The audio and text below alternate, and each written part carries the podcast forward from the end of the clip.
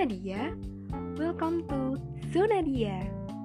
Podcast seru yang pastinya buat kalian jadi kepengin ada di zona dia terus. Oke, episode perdana kali ini enaknya ngomongin tentang apa ya? Bentar, aku pikir dulu. Aha, aku tahu mau membahas apa. Mungkin kita bakal bahas mengenai perkuliahan dan juga organisasi kali ya. Karena teman-teman di sini tuh banyak yang tanya nih, kira-kira perlu atau enggak sih ikut organisasi ketika kuliah? Kalau ditanya begitu, menurut aku sih jawabannya perlu. Karena apa?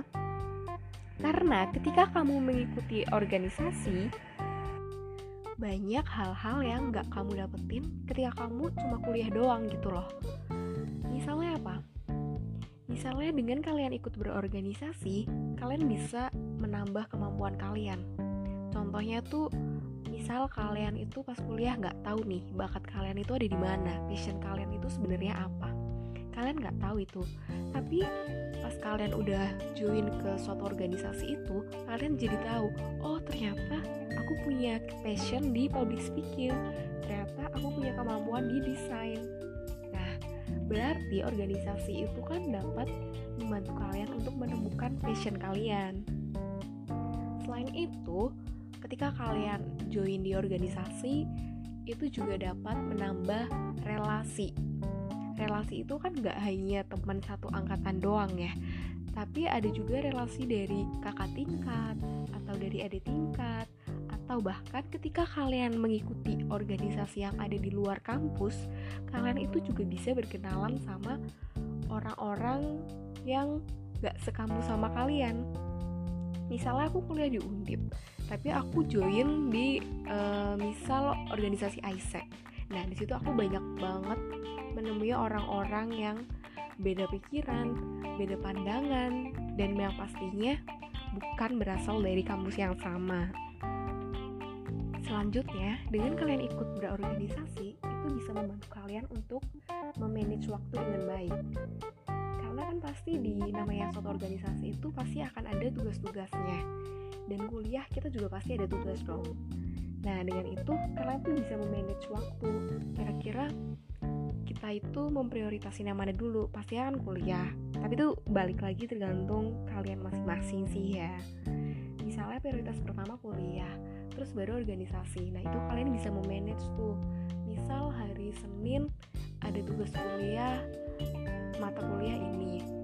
Terus uh, di hari Senin juga itu ada tugas organisasi. Nah kalian bisa memanage kira-kira kalian itu lebih ngeprioritasin yang mana kalau aku sih tentu memprioritasin yang kuliah dulu. Jadi ketika aku udah nyelesain pekerjaan kuliahku selanjutnya yang aku kerjain itu baru di tugas organisasinya. Selain itu organisasi itu ngebuat kalian jadi lebih berpikir secara luas gitu. Jadi uh, kalian tuh lebih mikir kalau ternyata emang isi isi kepala dari setiap orang itu nggak sama. Dan kalian jadi lebih bisa mentolerir itu. Kalian jadi bisa mengerti dunia secara arti luas gitu loh.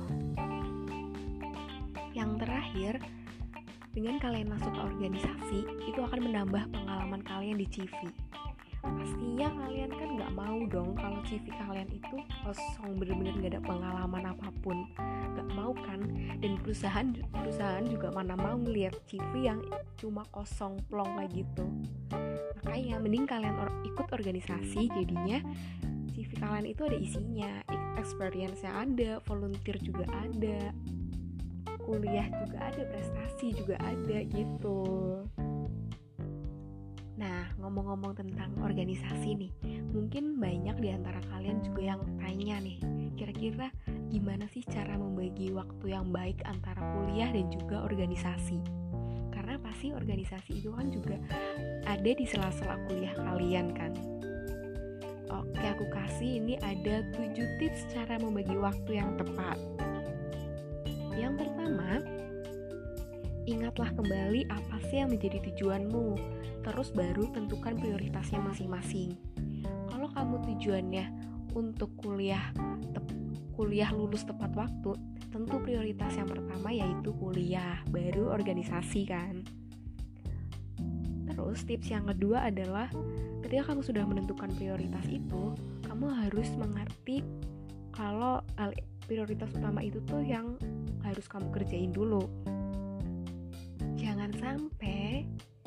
kegiatan organisasi itu mengganggu waktu kalian untuk ngerjain tugas kuliahnya.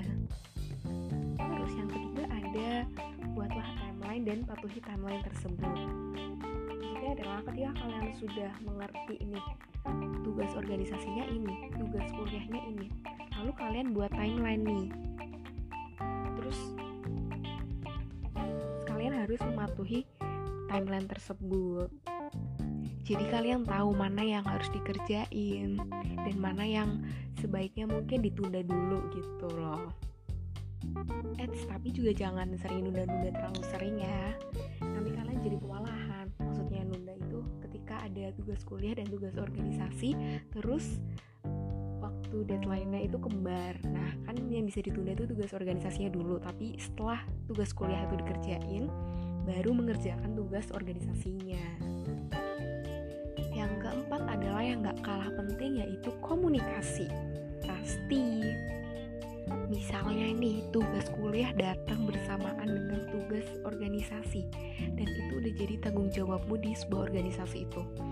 Nah, ini tuh perlu dikomunikasikan kamu lebih itu tergantung sih tapi kalau aku lebih mementingkan tugas kuliah itu berarti nanti aku akan mengkomunikasikan ini ke teman-teman di organisasiku kepada kepala yang nyuruh aku untuk mengerjakan tugas di organisasi tersebut jadi nantinya diharapkan teman-teman di organisasi ini bisa mengerti kalau aku tuh ternyata masih punya tugas kuliah yang harus aku selesaikan di saat itu juga.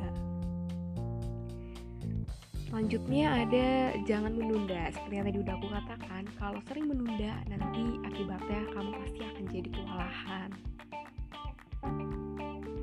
Keenam, buat deadline.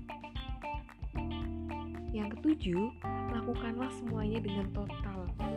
Kayak push your limit gitu loh. Jadi, kamu selalu memberikan kemampuan terbaik kamu. Jadi nantinya kamu gak akan nyesel tuh kalau misal dimarahin sama dosen atau dimarahin sama kepala organisasi kamu karena kamu kerjanya nggak becus makanya kita tuh harus selalu mengusahakan yang terbaik dan juga itu tuh juga bisa melatih kalian untuk mengerjakan segala sesuatu itu secara maksimal jadi ketika kalian nanti masuk ke udah di dunia kerja insya Allah kalian itu nggak akan menemukan kesulitan